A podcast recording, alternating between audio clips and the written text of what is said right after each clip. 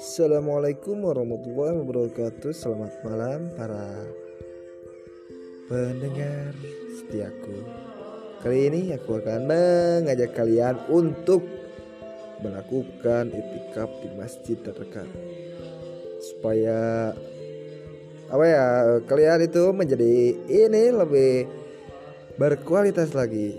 Sebelumnya saya pribadi meminta kepada kalian untuk tetap memakai protokol kesehatan yang telah diajukan oleh negara.